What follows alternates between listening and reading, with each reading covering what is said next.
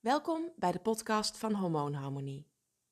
Het is de ochtend van 2 januari en ik wens je een gelukkig, creatief, culinair, sprankelend, begripvol, liefdevol en vooral gezond 2021. 2 januari. Ik ga het niet met je hebben over goede voornemens. Want zolang voornemens voornemens blijven, heb je er niet zoveel aan, volgens mij. Ik wil het met je hebben over een aantal redenen waarom je in deze quarantaineperiode juist nu zou moeten beginnen met een nieuwe, gezonde, ketogene leefstijl. Je denkt wellicht, ja, goede voornemens 1 januari of 4 januari als de kinderen weer naar school gaan of als je weer aan het werk gaat. Dan begin ik dan heb ik mijn goede voornemens. Dan ga ik meer bewegen. Dan ga ik gezonder eten. Dan ga ik stoppen met roken. Ehm, dan ga ik minder alcohol drinken. Of dan ga ik ehm, meer contact zoeken met mijn familie of mijn vrienden. Of nou ja, wat voor goede voornemens je ook kunt hebben. Maar waarom zou je wachten? Waarom zou je uitstellen? En dan ga ik, wil ik het niet hebben over uh, corona en uh, je immuunsysteem. En wat een gezonde leefstijl doet met je immuunsysteem. En uh, hoe je dat kan beschermen tegen het coronavirus of toekomstige andere virussen. of je kan sterken daartegen. want ik ga ervan uit dat je dat zelf al weet. Um, gelukkig wordt daar vanuit de overheid steeds meer aandacht aan gegeven dat die gezonde leefstijl heel belangrijk is om jezelf sterk te maken tegen dit virus of toekomstige virussen. Um, maar ik, ik ga ervan uit dat je zelf slim genoeg bent om die, die conclusie al te trekken. Los van het feit dat je wellicht nog zoekende bent wat gezond dan daadwerkelijk is. Maar ik wil het over iets anders hebben. Ik wil het hebben over het feit, over de redenen waarom je juist nu in deze quarantaineperiode zou moeten beginnen met een ketogene leefstijl. Deze quarantaineperiode heeft namelijk niet alleen maar nadelen, maar er zijn ook zeker voordelen aan verbonden. Normaal gesproken, zeker in de eerste week van januari, dan uh, zou je wellicht de nodige uh, nieuwjaarsborrels uh, hebben op je werk of uh, in je vriendenkring of misschien in de, in de buurt, in de straat of bij netwerkbijeenkomsten of noem het maar op. Uh, en die zijn er nu niet. Dus er zijn geen feestjes, geen borrels, um, wellicht ook geen bruiloften. Normaal gesproken is er altijd wel een, een, een reden, een excuus eigenlijk, om niet te beginnen met een gezonde leefstijl. Er komt altijd wel weer iets voorbij. En dan zeg je, ja, we moeten dit weekend nog eerst even bij mijn schoonouders op visite. En mijn schoonmoeder die heeft dan vast weer iets lekkers gebakken en daar kan ik niet nee tegen zeggen. En vrijdagmiddag hebben we de nieuwjaarsborrel op het werk. Um, nou ja, en dan uh, volgende week is er nog een verjaardag. En uh, dan uh, hebben we eind januari hebben we nog een bruiloft. Nou ja, zo is er altijd wat. En die zijn er nu even niet. Die verleidingen, die moeilijke momenten, die momenten waarop je dus heel sterk in je schoenen moet kunnen staan om nee te zeggen tegen je gastheer of gastvrouw, um, die zijn er nu niet. Dus dat maakt het veel makkelijker om nu helemaal voor die nieuwe leefstijl te gaan en het jezelf eigen te maken. Zonder dat je voortdurend in de verleiding komt um, van buitenaf. Dat geldt ook voor um, wellicht je lunch op het werk. Um, misschien ben jij diegene die altijd netjes zijn eigen lunch meeneemt. Maar het komt natuurlijk ook regelmatig voor dat je dan met je collega's zegt: Goh, uh, die boterhammetjes, daar heb ik vandaag even geen zin in. Wat zullen we doen? Zullen we uh, wat broodjes halen in de stad? Of um, zullen we even daar en daar uh, uitgebreid gaan lunchen? Of je gaat naar de bedrijfskantine en nou ja, daar komt de geur van de vers gebakken kroketten je al tegemoet. Of de broodjes.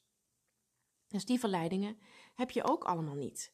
Dus je bent eh, zelf aangewezen op je eigen lunch. Er zijn ook geen um, tractaties op je werk. Dus geen, um, nou ja, um, er zijn wellicht, uh, hè, als er een mijlpaal gehaald wordt of een target gerealiseerd is, dan is er gebak. Of als er iemand jarig is of een, uh, bij een geboorte, dan is er weer gebak. nou ja, wat ik me kan herinneren van, uh, van mijn dagen um, op de bank bij de ING, er was eigenlijk iedere dag wel iets te vieren. Dus um, tractaties uh, voldoende. En als er niks te vieren was, dan zorgden we er wel voor dat er wat te vieren was.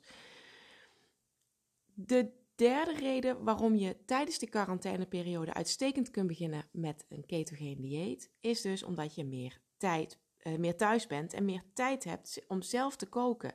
Meer, in ieder geval meer dingen uit te proberen. Dat wil niet zeggen dat je meteen uren in de keuken moet gaan staan. Um, maar je kunt je tijd wellicht wat beter verdelen. Uh, ik heb bijvoorbeeld in mijn uh, gratis e-book uh, een aantal recepten staan. Uh, ik noem bijvoorbeeld het recept van, van uh, wat kippenbouten, die je rustig één of twee uur van tevoren in de oven kunt schuiven. En daar hoef je verder niet meer naar om te kijken. Dus dat wil niet zeggen dat je twee uur met dat gerecht bezig bent. Maar omdat je thuis bent, kun je het al op tijd aanzetten. En kan, het, kan de oven rustig zijn werk doen. En kun jij daarna heerlijk aanschuiven aan een gezonde maaltijd.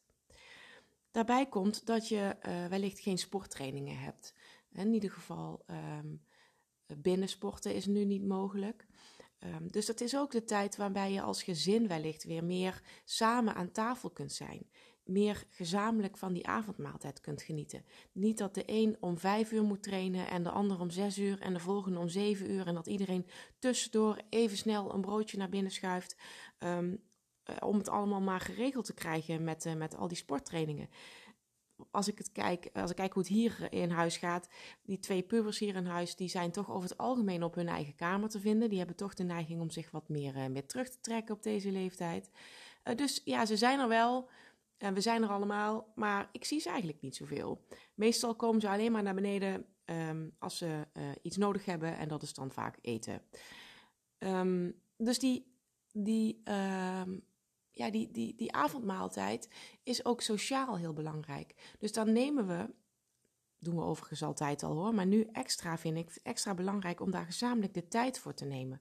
Om met z'n allen aan tafel te zitten en uh, toch ja, dingen met elkaar door te spreken. De dingen van de dag, uh, wie ze gesproken hebben. Hè? Die, ze, ze bellen regelmatig met hun klasgenootjes. Um, ze, ze hebben toch contact met elkaar gelukkig. Uh, dus je, ja, je probeert toch te achterhalen wat gaat er in die kopjes om en, en met wie hebben ze contact en wat hebben ze gedaan. En daar is die avondmaaltijd een uitstekende gelegenheid voor. En natuurlijk ook om even te bespreken van wat vind je lastig? Wie heb je gemist? Wat zou je morgen graag willen doen? Um, nou ja, waar kan ik je mee helpen?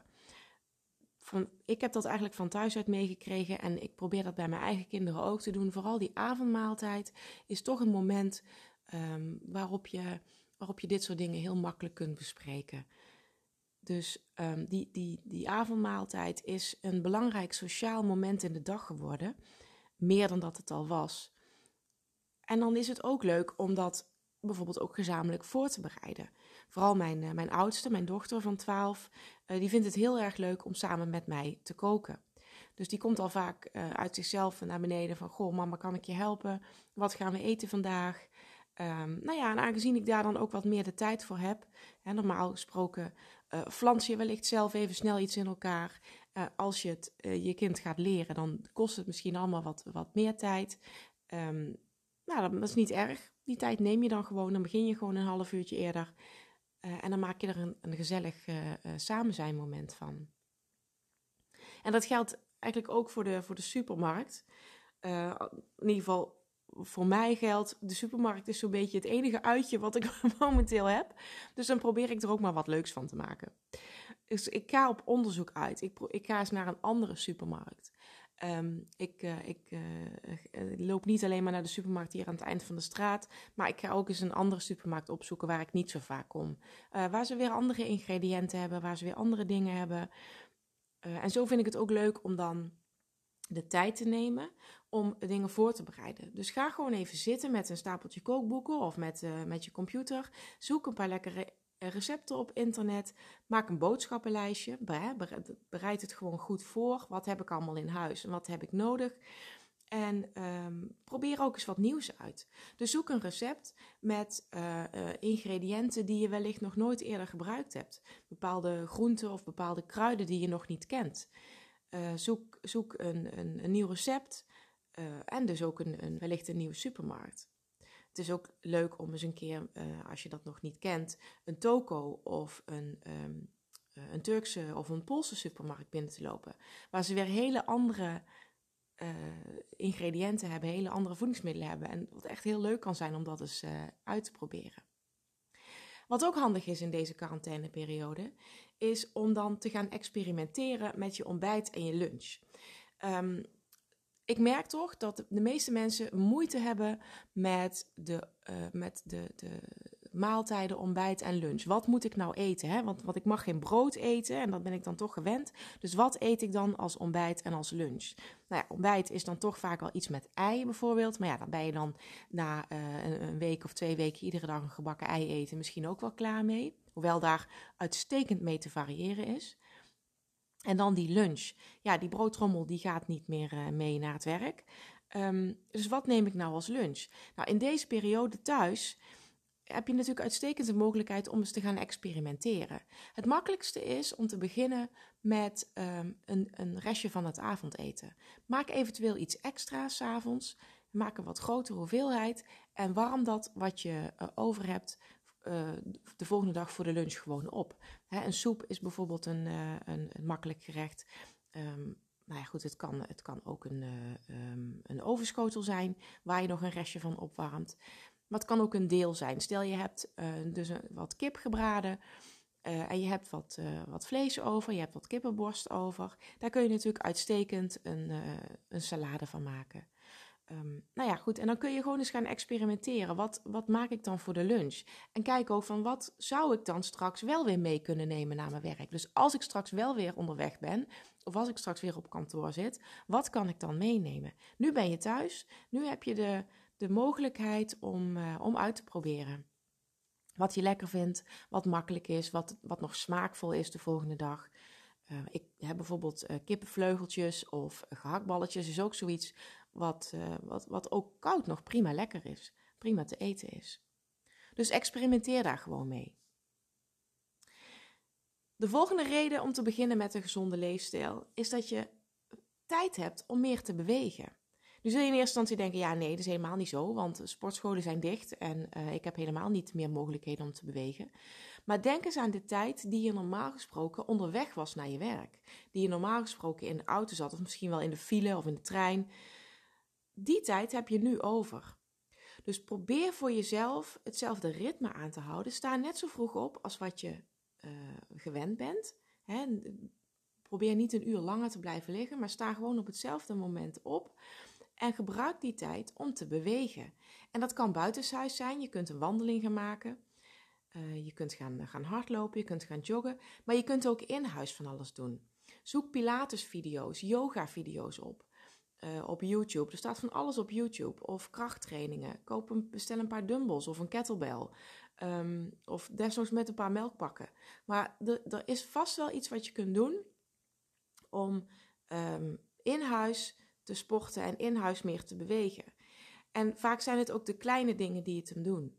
Dus uh, als je boodschappen hebt gedaan of uh, je hebt een kast uitgeruimd of je hebt de was gestreken, zet dat niet onderaan de trap neer. Zo van als ik straks naar boven moet, dan uh, breng ik het wel, dan neem ik het wel mee. Nee, loop gewoon die keer extra. Loop een paar keer extra de trap op en neer. Spaar het niet op op dat hoekje van de trap, maar breng het vast naar boven of breng het vast naar de voorraadkelder of loop vast naar buiten naar de, naar de, naar de vuilnisbak. Uh, je hebt misschien ook wat meer tijd om in de tuin te werken. Misschien heb je al plannen om iets in de tuin te gaan doen of in de tuin te veranderen. Nu heb je daar ook uitstekend de gelegenheid voor. Het is nog niet super koud, het vriest niet. Uh, misschien moet er nog wat gesnoeid worden. Uh, misschien wil je een hoekje in de tuin veranderen. Nou, ik zou zeggen, leef je uit, gebruik je creativiteit. En in de tuin werken kan ook heel meditatief zijn. Kan ook echt, tenminste dat merk ik zelf. Uh, als ik in de tuin bezig ben, dan, dan um, kan ik ook echt eventjes helemaal afschakelen. Dan ben ik echt heel meditatief bezig met dat waar ik op dat moment mee bezig ben. En dan kan ik de rest gewoon even vergeten. Nou, in het verlengde van dat normale ritme uh, geldt eigenlijk ook, hè, dus sta op tijd op. Maar probeer dus ook dat normale ritme aan te houden. En kleed je normaal aan, eet op normale tijdstippen. Um, en probeer uh, je schermtijd te beperken. Um, probeer uh, die hormoonverstoorders ook te beperken, zodat je toekomt aan voldoende slaap.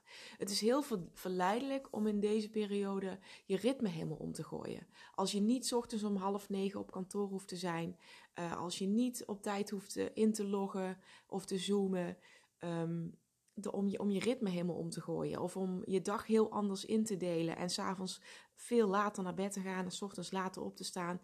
Ehm, maar je zult merken dat je daar uiteindelijk je lichaam geen plezier mee doet. Probeer dat normale circadiaanse ritme aan te houden. Dat gewone dag-nachtritme. Dus sta op tijd op uh, en ga op tijd naar bed. Die hormoonverstoorders als het schermlicht, dat blauwe licht, uh, koffie, suiker en ook alcohol, probeer dat te beperken. Ja, deze maand is een uitstekende maand om te beginnen met die goede voornemens. Maar goed, dat geldt dus voor eigenlijk iedere dag van het jaar. Als je um, moeilijker in slaap komt, namelijk als je door, door te veel koffie, te veel suiker, te veel alcohol, die hebben invloed op je slaap.